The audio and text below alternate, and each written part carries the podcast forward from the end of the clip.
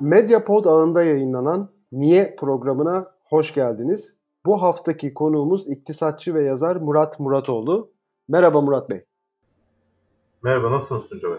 Biz deyiz, teşekkür ederim. Ee, bu haftaki konumuz ABD'li danışmanlık firması McKinsey ile Hazine ve Maliye Bakanlığı'nın yapmış olduğu anlaşma.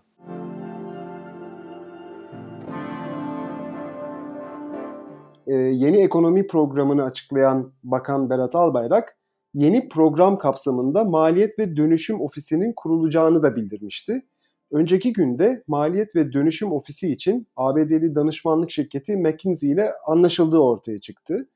Ee, önce şuradan başlayalım Murat Bey. Maliyet ve Dönüşüm Ofisi nedir? Maliyet ve Dönüşüm Ofisi'nin hakkında çok fazla bir bilgimiz yok. Yani 16 bakanlıktan temsilcilerin bulunduğu yeni kurulan bir ofis olarak bize lanse edildi. İşte bunlara çeşitli hedefler verilecek. Hedefler sonuçlar doğrultusunda 3 ayda bir denetlenecek olarak söylendi. Yani yeni bir oluşum çok kimsenin de bilgisi olduğunu sanmıyorum. Nitekim şimdilik bunları biliyoruz. Yani her şey tek elde toplandığı için Maliyet ve Dönüşüm Ofisi de bir çeşit 16 bakanlığın bir arada toplanan ve denetlenen kurum olarak gözüküyor şu anda. Önümüzde çıkan o. Onun dışında fazla bir gelişme olmadığı için, fazla bir bilgimiz olmadığı için çok cevaplayamıyoruz. Aynı varlık fonu gibi. Varlık fonu ne işe yarar bilmiyoruz ama varlık fonunun ne olduğunu biliyoruz. Yani daha henüz bir e, yaptığı bir şey olmadığı için çok çözümleyemedik ve çok açıklayamayacağım. Ama bize anlatılan bu. Abi, peki McKinsey ile anlaşılarak e, Türkiye ekonomisinin ABD'li bir şirkete emanet edildiği yorumları yapılıyor. Siz bu yorumlara katılıyor musunuz? Yani bunu ben iki açıdan incelemek istiyorum. Bunlardan birincisi, şimdi biz Amerikalıları yaklaşık 3 aydır düşman olarak ilan ediyoruz. O adamlar bizim ekonomimizi çökertmişlerdi. E peki madem öyleyse ekonomi niye yine dış güçlere emanet edildi? Çünkü sonuçta McKinsey 100 yıl aşkın süredir Amerika'da e, yer alan ve dünyada yaklaşık 150-145 ülkede ofisi olan bir şirket. Ve biz bu dış güçler söylemini devamlı Amerikalılar için kullandık ama belli ki bunu sadece iç siyaset için kullanmışız. Çünkü gidip McKinsey ile anlaştık. Bu McKinsey tam anlamıyla nasıl bir şirket? Türkiye'nin ekonomisinde neler olup bittiğini mi denetleyecek yoksa bir danışmanlık hizmeti mi verecek? McKinsey'i biraz bilmek lazım. Yani McKinsey bir denetleme şirketi değil. McKinsey bir raporlama ve kontrol şirketi de değil. McKinsey ağırlıklı olarak bir danışman bir şirket. Sana ne yapacağını söyleyen bir şirket. Yani bizdeki algı McKinsey'nin işte bu 16 bakanlığın bulunduğu maliyet ve dönüşüm ofisini denetleyeceği söyleniyor. Ama bu adamlar denetleme yapmıyorlar. Daha çok danışmanlık hizmeti veriyorlar ki ben eski çalıştığım bankamda da bu adamlarla çalıştım. Yani bize önerdikleri e, ilk başta çaycıları işten çıkarmaktı. Yani bütün çaycılar ertesi gün işten çıkartıldı. E, sonra şubeye gelenmiş, burası Türkiye yani her ülke gibi değil. Ertesi gün şubeye gelen müşteriler haliyle çay istedi. E zavallı bankada çalışan kızlardan biri de çay yapmak zorunda kaldı. Haliyle çaycı işten çıkartılınca çaycının yerine birisi alındı. Yani Türkiye'de bankaya gelen müşteri iyiyse ona önce ne, ne içersiniz diye sorulur ve çay ikram edilir %90. E sen yani Mackenzie Türkiye'nin gerçeklerine çok uymayan, biraz daha sofistike kalmış, plaza insanlarından oluşan bir kurulum. Tamam, çok iyi insanlar çalışıyor, zehir gibi çocuklar çalışıyor ki bunların birkaçını ben de şahsen tanıyorum. Ama gelin görün ki Türkiye'de bazı gerçekler var. Yani e, siz gidersiniz bilimsel yaklaşımla hepsini tespit edersiniz. Ama bu şirket değil ki bu devlet. Yani siz gidip de hukuk, adalet, demokrasi, sosyal devlet gibi kavramları göz ardı edemezsiniz. Ama Mackenzie bunlardan bağımsız hareket eder. Bakın yıllar önce IMF de buna benzer bazı koşullar bize öne sürdüğü için zaten Türk halkı IMF'ye düşman oldu. Çünkü hiç IMF'nin projelerinin hiçbirinde sosyal adalet, sosyal dengeler göz ardı edilirdi. Göz ardı edilmesinin yanı sıra bakılmazdı bile ne olduklarına. Ama ne oldu? İşte 2002'den sonra e, 2001 uçağın çarpması, 2008 o büyük kriz, Yunanistan kriziyle beraber onlar da artık sosyal dengelere önem vermeye başladılar. Haliyle Mackenzie'nin de önem vermesi gereken sosyal dengeler olacak bilimsel yaklaşımla. Ama gelin görün ki sonuçta Mackenzie bir uygulama şirketi değil. Nitekim bakanlıktan da açıklama geldi. Dediler ki E, McKinsey uygulamaları biz yapacağız. McKinsey sadece bize öneri getirecek. Zaten dünyanın her yerinde bu adamlar böyle çalışır. Gidip de adamı şirketin başına oturtmuyorsun ki. Adamlar sana gelirler, şunu şunu şunu yapsan daha iyi olurlar derler. E siz bunları yaparsınız veya yapmazsınız. Mesela McKinsey gelecek diyecek ki Diyanet'in bütçesi azaltılmalı. Bu kadar imam bu ülkeye fazla diyecek. E hadi indir bakalım imam sayısını. Hadi kıs bakalım Diyanet'in ödeneğini yapabiliyor musun? Yapamayacaksın. McKinsey sana gelecek diyecek ki e, bu lüks çok çok kaçtı yani bu lüks e, çok fazla lüks içinde yaşıyor insanlar. E bunlar yavaş yavaş partilerin çıkarlarına dokunmaya başlayacak. Ne olacak? Arabaları artık bu arabaları satmanız gerekir diyecek. Nitekim programda da bunlar var. Ama bunların hepsini yapmanız imkansız. Yani personel indirimine gidin diyecek. E AKP'nin hikayesi zaten personel. Yani gidip de torpilli personeli azaltırsan sen haliyle kendi oy tabanını sarsarsın. O yüzden yani Mackenzie en çok bu iş Mackenzie'ye yarayacak. Aldığı parayla kalacak. Onun dışında fazla bir yararı olmayacağını inancındayım. Ama yararı ne olacak derseniz Mackenzie'nin esas hikayesi e, bizimkiler normalde bu davranışlarıyla kredi almayacaklarını anladılar. Alamıyorlar. Bu yüzden yabancı denetimci tutup güven sağlamaya çalışıyorlar. İşte IMF'den önce son çıkış demiştim. Yani bundan sonra eğer buradan da bu halde de para bulamazsak artık gideceğimiz tek yol IMF. Yani IMF öncesi fragmanı yaşıyor Türkiye. Şimdi az önce dediniz ki McKinsey bir e, denetleme şirketi değil, danışmanlık şirketi. Şimdi buradan ben şunu anlıyorum. E, aslında McKinsey kendi söylediklerinin yapılıp yapılmayacağını mı denetleyecek o zaman? McKinsey normalde denetlemez. McKinsey gelir, bütün verileri verir size. Bu haliyle sizin şunu, şunu, şunu yapmanız der. Şimdi denetleme şirketleri farklıdır. Mesela dünyada Big Four olarak adlandıran Deloitte vardır. Price Waterhouse Coopers vardır. Ernst Young vardır. İşte KPMG vardır. Bu Ken Walt, Pitt, Marvick, Gorderer diye. Dört tane çok büyük şirket vardır. Ama mesela bunların içine McKinsey girmez. McKinsey danışmanlık şirketi olarak geçer. Yönetime karışır ve der ki yani mesela bunlara örnek olarak dünyanın en büyük McKinsey'dir hakikaten. Yaklaşık 9 milyar dolar bir e, geliri vardır yıllık. İkincisi de e, BCG dedikleri Boston Consulting Group'tur. Bunların da yaklaşık 6 milyar dolar gibi geliri vardır. Üçüncü büyük de Bain Company'dir. Bunlar danışmanlık değil size neyin nasıl yapmanız gerektiğini söyler. He siz yaparsınız yapmazsınız. Bunlar yine parasını alır gider ve çok da pahalıya çalışırlar.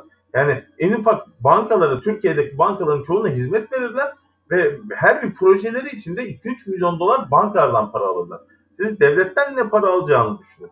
Ama burada zaten onların aldığı para çok sorun etmiyorum ben. Çünkü o kadar anlamsız bir e, danışman ve onlara verilen sınırsız kaynak var ki yani Mackenzie'ye verilen para devede kulak kalacak. Hiç değilse adam akıllı analiz yapacaklar. Şunu yapsın diyecekler. Hiç değilse paralarını hak edecekler diye düşünüyorum. Yani ucuz değil kabul ediyorum ama Türkiye'de öyle yerlere para gidiyor ki bu adamlara verilen paraya çok acımayacağım yani. Bence çok kötü bir hikaye değil. Çünkü esas nedeni Türkiye'nin e, ödenen yüklü para aslında verilen hizmetin karşılığı olmayacak bize.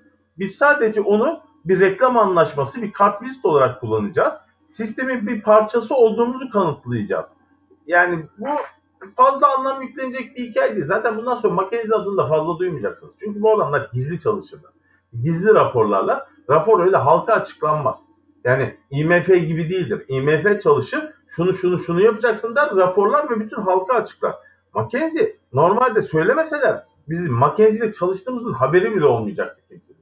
Yani bu adamlar gizli çalışırlar, gizli gizli şeylerde sana önerilerde bulunurlar. Ya bundan sonra Mackenzie adını kimse duymayacak zaten. Peki şu olabilir mi? Hani demin dediniz ya işte Diyanet'in harcamalarını kısın diyecek, adam çıkarın diyecek, lüksü azaltın diyecek. Peki bunları Türkiye Cumhuriyeti Devleti e, yapmadığı sürece o zaman Mackenzie'den de e, bir e, kredi bulunması namına bir olur alamayacak o zaman. Buradan bunu anlıyorum. Yani aslında Mackenzie'nin şeyi de o değil, misyonu da o değil. Şimdi siz diyeceksiniz ki Mackenzie bunu istedi, biz biz yaptık. Bunları bize raporladı. Aynı zamanda da bunu Mackenzie önerdiği için altında da imzası var. İstediğinde bu ürün yaptık diye biz kredi isteyeceğiz. Yoksa e, onun dışında fazla bir yaptırım olacak. Mackenzie'yle çalışıyoruz diye yurt dışından bize para verilecek bir durum söz konusu değil. Tabii benim merakım Acaba e, McKinsey dış güçler dediğimiz yabancılar mı bize önerdi? Biz kendimiz mi onlarla çalışmak istedik? Ben bunu dış güçlerin önerdiğini, yabancının önerdiğini sanmıyorum. Çünkü Türkiye daha önce de McKinsey'de çalıştı. Yani Türkiye daha önce de kamu bankalarına hizmet verdi. Hatta büyük ihtimalle söylentilere göre yüzde yüz emin olmamakla beraber bu yapılan ekonomik programın tamamen McKinsey'ye ait. Yani o PowerPoint sunumları var ya Sayın Bakan er Albayrak'ın yaptığı. Onların hepsi McKinsey'e ait. 100 günlük dönüşüm programı onlara ait. Onun dışında e, ekonomiye giriş programı onlara ait. Son bu işte şey açıklandı, YEP açıklandı. YEP nitekim onlara ait. Ama şu ana kadar çok ekstra bir hikayesini göremedik tabii. Çünkü herhangi bir atraksiyon henüz yapılmadı. Yani orta vadeli programın adını YEP olarak değiştirdik. İçine disiplin koyduk. Bakanın yaklaşık 27 dakika geç başladığı disiplinli bir program oldu. Yani daha şu ana kadar yaptığı hiçbir şey söz konusu değil ki. O yüzden göreceğiz ama görmemiz de dediğim gibi bu gizli olacak. Yani bundan sonra Mackenzie'nin adını kimse duymayacak. Yani bu son duyuştu. Tepkiydi. Bu kadar. Burada biter. Yani bundan daha fazlasını duymayız Mackenzie'den. Peki e, bizim gibi e, farklı devletlerin de hiç Mackenzie'den danışmanlık hizmeti aldığı olmuş muydu? Ya tabii canım çok çok devlet var. Yani tamam bir ikisinde başarısız oldular ama mesela sırf Mackenzie olarak düşünmeyin. İspanya 2012 yılında, Yunanistan yine o yıllarda 2012 yılında, nitekim İtalya yani bunların tamamı bu tarz şirketlerle çalışmış durumda. Yani bu Türkiye'nin ilk bir örneği değil ve ben bunu çok kötü olarak da görmüyorum. Dediğim gibi onlarca hiç ne yaptı belli olmayan danışmana genel müdürlük, yok yönetim kurulu üyeliği, yok bir yerin müdürlüğü bir yerde şey diye böyle mama mama para verileceğine hiç değilse adam gibi bir firmaya verilir. O adam gibi bir firma tamam 2-3 tane sunum yapar 10 milyonlarca dolar para alır. Ama yani bazı sana seçenekler de sunar. Bu şirketin güzelliği aynı zamanda e, senin hatalarını sana yüzüne doğru söylemesidir. Yani gidip de pek yalakalık yapmazlar diyeyim size. Ama buradaki esas üzüntü, üzüntülü taraf yani bizim mesela bir sayıştayımız vardı. Onlarca mali ve idari denetçi kuruluşumuz vardı. Planlama teşkilatımız vardı. Bunların hepsi iş sevgisi hale getirildi. Bu adamların düzinelerce raporu var. Ama kimse ciddiye almadı. Bunların çoğu kapandı. Kapanmayanlar da işlevsiz kaldı. Yani siz şu anda Sayıştay'ın ne yaptığı hakkında bir fikriniz var mı? Yok. E, bu, bu raporların hepsi sümen altı edildi. İlla yani yabancıya gitti. Türk ekonomisi devredildi gibi gözüküyor. Yani aslında bunu bizim içimizde de yapılıyordu. Bu eskiden işleyen demokratik meclisi sistemde çok önemli yerlerdeydi bu sayıştay, danıştay. E şu anda bir anlamı kalmadı. Biz bunların içini yok ettik. Sonra gittik kendimizi yabancıya devrettik. Biz, bana koyan yani en azından Türk halkına koyan bu. Ama onun dışında çok yararsız. Yani biz bunu kendimiz yapamaz mıydık? Şu, şu an yani makinede çalışan insanlar da Türk insanları. Gidip Boğaziçi'nden, ODTÜ'den parlak gençleri kendi saflarına katıp Türkler çalıştırıyorlar. Gidip İngiliz'in birini getirip bizi denetletmeyecekler ki. Ama madem bu çocuklar orada niye biz bunları kamu adına kendimiz çalıştırma, çalıştırmıyoruz? Yani bizde de parlak genç yok mu bunları yapabilecek? Var. Ama öyle bir sıkışmış durumdayız ki yurt dışına itibar sağlamak için mecburiyetten yabancılara teslim edip onların imzasını arıyorlar. Arkamıza bir kart vizit olarak, güvence olarak Mackenzie'yi alıyoruz. Yoksa bizim ya şeyimiz çok başarılı kurumlarımız vardı yani Sayıştay'ı ben çok beğeniyordum. Ama bütün yetkileri hemen hemen elinden alındı. Bilmem kaç yılına kadar şunları yetkileyemeyeceksin. Hani mesela varlık fonuna alınan şirketlerden hiçbir Sayıştay tarafından denetlenemiyor. E haliyle Sayıştay bir işe yaramıyor. Belki Makenzi denetler de hiç değilse bir işe yarar diye düşünüyorum. Yani ben olaya çok karşı değilim. Benim karşı olduğum taraf işte düşman olarak lanse edilen ki ortada öyle bir düşmanlık olmadığı apaçık belli olan bir sistemi gidip de sonra arkasından insanların gözüne soka sokuyor gidip anlaşma yapmak onlarla. E madem düşman olarak dans ettin devam et yani orada o sırada dönme yani. Yani benim üzüldüğüm nokta burada.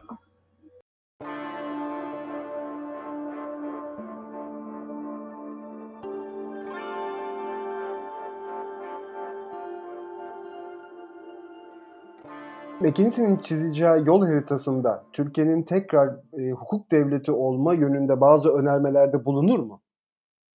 Ya tabii o, onu yapması gerekiyor ama genelde yapmaz. Yani hukuk, adalet, demokrasi, sosyal devlet kavramlarına bu gibi firmalar çok bakmaz. Bakmadığı gibi de çok yani daha çok matematiksel olarak girdilere, çıktılara nereden çok para harcandığına bakar. Yani onun dışında öyle hukukunuzu düzeltin, adaletinizi, demokrasinizi şöyle elde tutulur hale getirin. Bunlar muğlak ifadelerdir. Bu gibi şirketler muğlak değil, matematiksel olarak giderler. Demokrasi kime göre iyi, kime göre kötü. Mesela hukuk ülke yönetenlere göre çok iyi durumda. Yani bir hukuk devleti izleniyor. Ama benim kişisel görüşüm bana göre çok iyi durumda değil. E haliyle bunlar muğlak ve kişiye göre değişen ifadeler. Biz düzelttik diyecek, nereyi düzelttiniz diye kavga edeceklerdi. O yüzden o maalesef o konularda fazla bir e, yeterlilikleri olacağını sanmıyorum. Matematiksel olarak, bilimsel olarak çalıştıkları için muğlak kavramlar üzerinde fazla bir geçerliliği olacak savları olmayacaktır kuvvetle muhtemelen bu McKinsey ile ilgili yapılan yorumlarda yani Türkiye ekonomisinin dış güçlere tırnak içerisinde emanet edilmesiyle ilgili yapılan yorumlardan sonra hükümet kanadından ve hükümete yakın medyadan da e, şöyle bir tepki geldi. Dedi ki algı operasyonu yapıyorlar. Sizce ortada McKinsey'e dair dönen yorumlarda bir algı operasyonu var mı? Yoksa haklı gerekçeler de var mı? Düşman ilan edip ondan sonra anlaşma yaparsan bu tepkilerin olması kaçınılmazdır. Yani sonradan işte bugün açıklama yapıldı. Yapılan açıklamada McKinsey'nin herhangi bir yaptırımı yani daha önce bu adamlar şirketle denetlediler. Hangi şirkete yaptırım olmuş ki şunu yapacaksın deyip kendi icraatı geçmiş gibi. Zaten bunlar icraat şirketler değil ki. Sana çeşitli profillerde çeşitli raporlar hazırlarlar. Bazı öneriler getirirler. Bu önerilerlere uyarsın veya uymazsın. O senin bileceğin iştir. Yani algı operasyonu yok ama anlaşma için ben çok yanlış bulmuyorum anlaşmayı. Güvenceni sağlayamayıp yurt dışından bir firmayı güvence olarak almak. E bunu alacağımsa IMF ile anlaşsaydık. Ama şu anda IMF ile de niye anlaşmıyoruz? Arkasından çok atıp tuttuk. Ama dünyada bize IMF'den fazla şeyde yani IMF kadar para verecek başka ikinci bir kuruluş yok. İşte biz bunun arayışındayız. Acaba yurt dışından para gelir mi diyoruz ama hikaye çok değişti artık. Dünyada para artık iyice emilmiş durumda bu emilmiş durumda Mackenzie'nin imzasıyla para bulmamız da öyle çok kolay değil. Yani bizim nereden baksanız ben şuradan hesaplıyorum. 2002 yılında biz yaklaşık 20 milyar dolar aldık. Ekonomimiz yaklaşık 200 milyar dolar civarında bir ekonomiydi.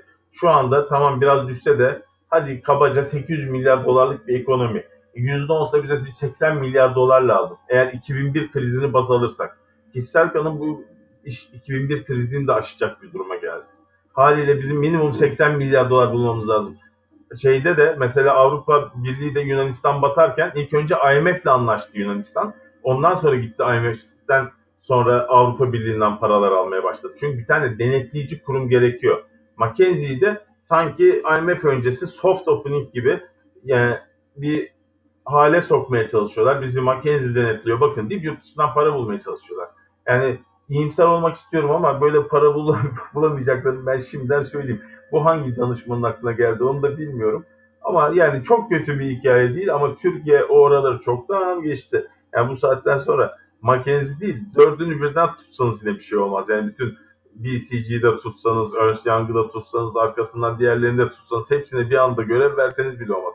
O kadar kolay olsaydı giderlerdi. Ülkenin Nobel ödüllü profesörlerini alırlardı o şeyde gidip de dün mezun olmuş adamdan daha iyi olacağına göre onlar gider onlar haritayı çizerdi. Yani devlet yönetmekle şirket yönetmek arasında çok fark var. Yani siz gidiyorsunuz Merkez Bankası Başkanı'na yani liyakat arıyorsunuz. Sonra sosyal bilim ve uluslararası ilişkiler bölümünden çift ana dal yapmış. İşte aynı zamanda sosyoloji mezunu birini Merkez Bankası'nın başına getirtiyorsunuz. E ama yani bu adam geçmişe bakıyorsunuz. Sadece katılım bankaları ve Halk, Bank, Halk Bankası'nın çalışmış. Ama yani siz liyakata önem vermiyorsunuz. Şimdi liyakatli adam olarak gidip de Mackenzie'yi getiriyorsunuz. Hindistan Merkez Bankası Başkanı'na bakın. Bundan önceki başkanın adam Nobel ödülü aldı. Yani şeyde Amerika'da 2017 Nobel ödülüne layık görüldü.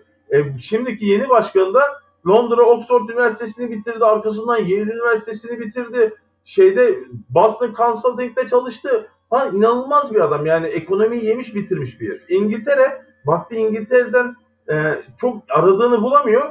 Gitti Harvard doktor şey diplomalı, Oxford doktoralı, Goldman Sachs'ta çalışan Kanada vatandaşını getirdi Merkez Bankası'nın başına. Yani adamların titullerine bakar mısınız? Rusya yani Moskova Üniversitesi tamam ama adamın Yale mezunu. Şey adam diyor kadın. Rusya'nın şeyi Merkez Bank Bankası Başkanı Elvira kadın Yale mezununda Yale'den mezun olmuş kadın Moskova Üniversitesi'ni dereceyle bitirmiş. Yani %13'e kadar yükselen enflasyonu %4'lere kadar geriletti ve Putin ona çok güveniyor. Yani bunların hepsinin misyonu ve güvenilirliği var. Ama bizde başkanın ya da Balet Albayrak'ın sözüne gözün içine bakmadan Merkez Bankası hareket edemiyor. Siz hala Merkez Bankası'na bağımsız diyorsunuz. E, yani haliyle insanlara güven sağlamanız sadece bir tane danışmanlık veya bir tane e, kontrol firması atamakla olmuyor maalesef. Siz bunları da değiştirmeniz gerekiyor. Keşke o kadar kolay olsa yani bir tane şirketi danışmanlık alıp bütün şeyi kurtaracağını, kurtaracağını farz edebilsek. Maalesef o kadar kolay değil bu işler. Peki Türkiye eninde sonunda IMF'ye gidecek mi? IMF'ye gidecek mi? Şimdi arkasından çok atıp tuttuk. Öyle bir sorunumuz var. Yani eski sevgilin gel dese bile bazen atıp tuttuktan sonra dönemezsin ya. Bizde de o hikaye var maalesef. Şöyle ki yani adamlar bizden borç istedi. Vermedik. Fakir IMF falan muhabbet yaptık gittik adamlara. E sonra e bize 75-80 milyar dolar ekstradan para lazım. Geçen sene biz kamu şey kamu, garanti fonunu çıkartıp gidip bütün batan şirketlere gittik şey verdik.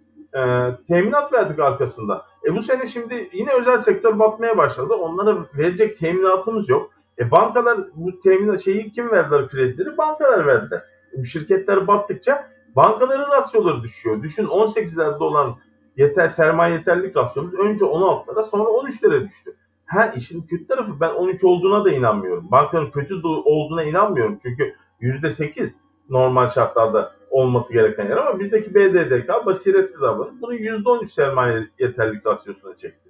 Ama birinci ve ikinci derece krediler var. Siz şeyde Garanti Bankası mesela geçen açıkladı. Bizim ikinci derece batak kredilerimizin durumu %16'da dedi. Yani tamam Garanti Bankası bunu dedi. Diğer bankalar bunu kabul etmiyor. Yani bizim aslında çok batağımız var ama bu batakları bir türlü batak olarak saymıyoruz. Haliyle bu şirketler battıkça banka bilançolarını yaralamaya başlayacaklar. Yani şu anda tamam bir sorun yok ama önümüzdeki günlerde muhtemelen bir sorun yaşanabilir. E bu yaşandığında da Türkiye bunlara para koyması gerekiyor. Eğer para basarak bunlara para koyarsa ki başka elinde çaresi yok. E haliyle ne kadar çok para basarsanız enflasyon o kadar çok artar. Ve siz yine faiz arttırmak zorunda kalırsınız. Faiz arttırmazsanız yine döviz artar. Yani çok kötü bir sarmalı girmiş durumdayız. Bu sarmal için bizim çok ciddi bir para bulmamız gerekiyor. Bir yıl içinde. Hakikaten bulmamız gerekiyor. E bu parayı kim verir? Katar verir dediler 15 milyar dolar. Yalan dolan çıktı. 3 milyar dolarlık bir swap ihalesi yaptık. 3 milyar dolar Katar parası cinsinden bizim hesaba geçti. Bizde de 3 milyar lira. Onların da 3 milyar dolarlık karşılığı lira onların Merkez Bankası hesabına geçti. Ne oldu? Bir anda makyajlandı. Senin Merkez Bankası'nın 18 milyar dolar parası kalmış, rezervi kalmış net kullanılabilir. He ne olur bu 18 milyar dolar biterse ki en fazla 4-5 ay sürer bunun kullanımı. 18 milyar şimdi cari açık da azalıyor çünkü o kadar pahalandı ki her şey insanlar ithalat yapamıyor. Bu 18 milyar dolar biterse ne olur? Eksi rezerve geçmeye başlar. Çünkü bankaların muazzam karşılığı yani siz mevduat 100 lira yatırıyorsanız bankalar bunun belirli bir kısmını Merkez Bankası'na yatırmak zorundalar. Ve Merkez Bankası kendi parası olmayan bu rezervi kullanmaya başlar. Bankaların parasını. Bunu daha önce başımıza geldi mi? Geldi. 1994 ve 2001 yıllarında geldi. Bilin bakalım 1994 ve 2001 yıllarında eksi rezerve geçtikten sonra ne oldu? Evet ikisinde de kriz oldu. Yani o yüzden eksi rezerve geçmek çok tehlikeli bir hikayedir ve bizim 17-18 milyar dolar net rezervle bu işi fazla götüremeyiz. Yani rezervi arttırmak için ne yapacağız? Merkez Bankası piyasadan dolar alırsa dolar ne olur biliyor musunuz? E haliyle demek ki faizleri biraz daha arttırmamız gerekecek. Yani kaçılmayacak. Yani faizlerin burada duracağını sanıyorsanız çok yanılıyorsunuz. Yani ben bunu herkese söylüyorum çünkü dışarıdan gelen para, para pınarı iyice kurmuş durumda. Kim nereden yeni kredi bulup da yatırım yapacak? E yatırım yapamayınca Türkiye küçülecek. E, Türkiye küçülünce şirketler kredilerini iş hacimleri düştüğü için ödeyemeyecekler. Şirketler kredilerini ödeyemeyince haliyle batmaya başlayacaklar. Batınca ne olacak? Banka bilançoları zedelenecek. Banka bilançoları zedelince ne olacak? O bankaları batırmamak için e, devlet ve hükümet devreye girecek. E onlar kimin parasını harcayacak? Bildiğiniz senin benim paramı harcayacak. Yani bu bir kısır döngüye girmiş durumdayız. Yani bugün dolar 6'ya düştü diye biz kurtulmadık. Yani faizlerin olduğu yer doların alt, altı olduğu yer bizi keşke kurtarabilse yani dolar 5'e düşse kurtarır mıyız? Yine kurtulmayız. Yani biraz daha rahatlarız ama bir yıl sonra tekrar aynı yere geliriz. Çünkü dünya dolarla dönüyor. Yani sen altın neyle alıyorsun? Dolarla. E sen gidip petrol neyle alıyorsun? Dolarla. Merkez bankalarının %60'ları dolarla. Yani bizimkiler hayal kuruyor. Doların dünyada sarsılıyor artık. Yeri sarsılıyor. Onun yerine yeni paralar gelecek, yuan gelecek, euro gelecek diye havaya giriyorlar ama bunların olması imkansız değil ama bir 30-40 yıl var yani şu programı dinleyen hiç kimse doların sarsın taht, şey, e, tahtının sarsıldığını göremeyecek bile. Öyle söyleyeyim.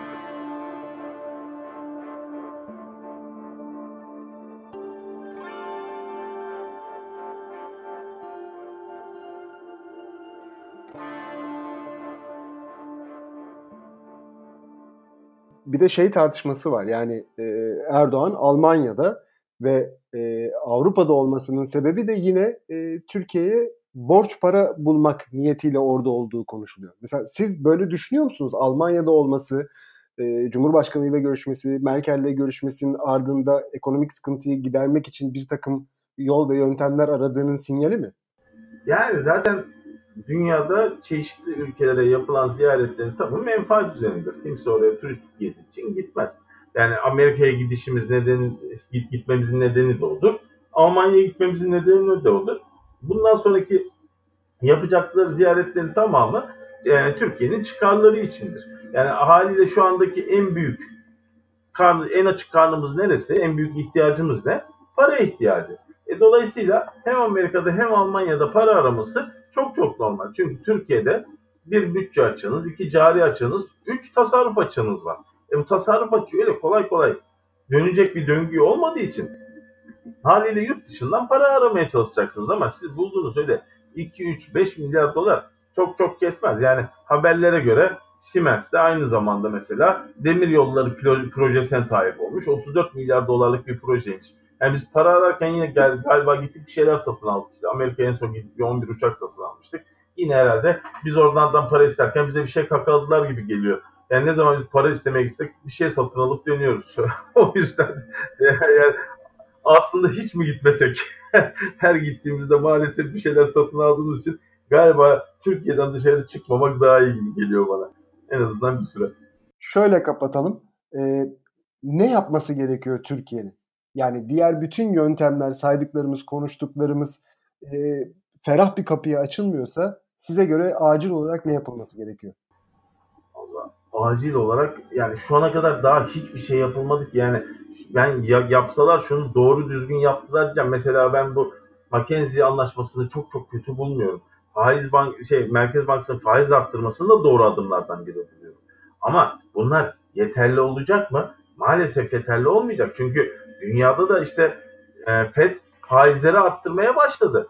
Fed'in bu yıl daha bir kere daha faiz arttırımı var. Üç kere de 2019'da faiz arttırımı var. Bu Türkiye için kötü bir haber.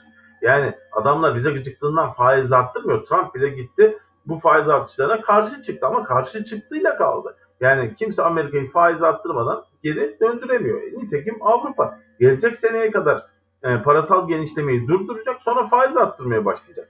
Bunların hepsi gelişmiş ülkeler için fazla bir anlam ifade etmese de bizim gibi gelişen ülkeler için kabus senaryosunun başlangıcı. Çünkü bu ülkeler bizim gibi ülkeler çok büyük para çektiler zamanında. Tamam biz belki çok fazlasını çekemedik. Çektiğimizi betona gömdük. Mega projeler adı altında gömdük. Havaalanı yaptık. Ne belirsiz bir sürü yatırım yaptık. Biz bu parayı harcadık ama herkes bu parayı harcamadı. E haliyle dünya şimdi daralırken biz daha çok para bulmak zorundayız. Bakın sendikasyonlar var. Akbank sendikasyon bir başarı mıdır? Bence başarıdır. Ama bakarsanız faiziyle beraber döndürmüştür Akbank bunu. Ve e, sonra daha onlarca bankanın sendikasyon kredisi var. Ve bu faizler gittikçe artıyor. Bu faizlerin artması ödenecek yükümlülüğün arttığı anlamına geliyor.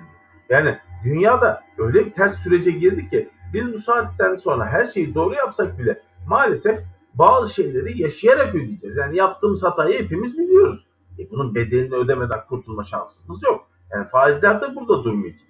Yani insanlar diyor ki enflasyon düşecek, faizler duracak. İyi de sana o faizleri indirirsen bak bakalım dolar ne olacak? Yani o o kadar 465 milyar dolar, 470 milyar dolar senin borcun var. 180 milyar bir yıl içinde ödenecek. Bir de bunun faizi ödenecek. Faizler %6, %7'lerde. Yani yaklaşık 12-13 milyar dolar bir faiz ödeyeceksin sen bunu döndürdüğünde. E bir de sen 50 milyar dolar cari açık veriyorsun. Hadi artık paran kalmadı, alışveriş yapamadığın için 35-40 milyar dolara düşecek cari açın. Ama sonuçta cari açık vermeye devam edeceksin. Sen cari açık vermediğin sürece de sistemi o kadar kötü kurmuş ki ihracat gelirinin düşecek. İhracat gelirinin düşmesi içerideki şirketlerin gelirini azaltacak. Şirketlerin gelirinin azalması bu şirketleri zora sokacak. Tekrar aynı döngü. Bankaya krediler patlayacak. Krediler bu sefer devlete yansıyacak. Bizim cebimizden olan vergileri olacak. Yani bazı şeyleri düzeltmek için geç kaldık. Öyle bir anda aa kötüye düşünce hop düzelteyim deyince olmuyor. Yani önümüzdeki 2019 acı geçecek maalesef. 2018'de yani ben sizin daha önce internet sitenizde söylemiştim. Yani 2018 şeyde 2002 krizi daha hiçbir şey değil. 2018'de görün demiştim. Buyurun. Ağustos'ta görün demiştim. Buyurun. Şimdi 2019'da belki krizin hızı azaldı. Böyle bir anda Ağustos ayındaki gibi çok hızlı artışlar olmayacak ama yavaş yavaş yavaş yavaş kimleyecek. Yavaş yavaş yavaş işsizlik artmaya başlayacak. Şirketler batmaya devam edecek. Yani daha kriz sadece gidip de kur artması, fiyatlara azıcık yansıması değil. insanların gelir gücünün azalması. Durum bakın havalar soğumaya başladı. Daha doğal gazları yakmadık. E yavaş yavaş hava erken kararmaya başladı. Elektrikleri açmadık. Bunların faturaları gelince insanlar kendi temel ihtiyaçlarını dahi karşılayamayacak duruma gelecekler. Yani o yüzden daha şu anda biz krize başladık. Yeni yeni krizin ne olduğunu hissetmeye başladık ama daha yaşadığımız bir şey yok. Durun daha bunu yaşayacağız. Ama dediğim gibi yani biz bazı şeylerin bedelini ödüyoruz. Öyle gidip de 8 yıl ye iç ondan sonra ya bir iki ayda bir kemerini sık bu işler böyle olmuyor maalesef. Hepimiz aynı acıyı çekeceğiz. Ben de siz de. Herkes küçülecek, herkes fakirleşecek. Yani keşke bu iki ay, üç ayda böyle şok tedaviyle bitebilecek bir olay olsaydı. E o zaman herkes yapardı. Bu Arjantin 3 yıldır krizle debelleniyor. IMF ile anlaştı hala bir kurtaramadılar. Yunanistan 5 yıl çekti. Hala ufaktan çekiyor. Ama arkasında Avrupa Birliği gibi bir dev var yani. Dünyanın en büyük ikinci ekonomisi diyelim. Bütün Avrupa'yı ele alırsak. Yani Çin'den bile büyük hale geliyorlar. O yüzden bu işler o kadar kolay değil. Daha arkanızda sizin kimse yok. Kimseyle anlaşma yapmamışsınız. Kuvvetten 15 milyar. Kuvvet 20 milyar dolar Suudi Arabistan para çekti diye bütçesi sarsıldı adamların. Biz 15 milyar dolar nereden verecek? Yani insanları kandırıyorlar. Yani 13 hadi 15 milyar dolar kaç günde gelir 15 milyar dolar ya? Bir ay oldu söyleyeli hala şeyde mi bankada mı bekliyor? EFT mi çıkmadı? Yani şeyin vadesinin dönüşünü mü bekliyor para yollamak için? çok dostumuz yollasın bize parayı. Orada da daha para yok bir şey yok. 3 milyar şey. Bize Katar diyeli verdi. Biz dolar istedik adamlar gitti bize Katar diyeli verdi. Biz onu koyduk bakın 3 milyar dolarlık yabancı paramız var diyoruz. Şey kağıdın altına kaldırıyoruz. Kuvvet parası olarak çıkıyor bize. Yani bu, bu işler keşke o kadar kolay olsa. Maalesef bu iş öyle kolay kolay düzelmeyecek. Önce güzel bir acı çekeceğiz. Ama hak ettik yani hak ettik. Peki içimizi kararttınız sağ olun. Her zaman ne zaman isterseniz. Çok teşekkürler Murat Muratoğlu. Sağ olun efendim. Görüşmek üzere.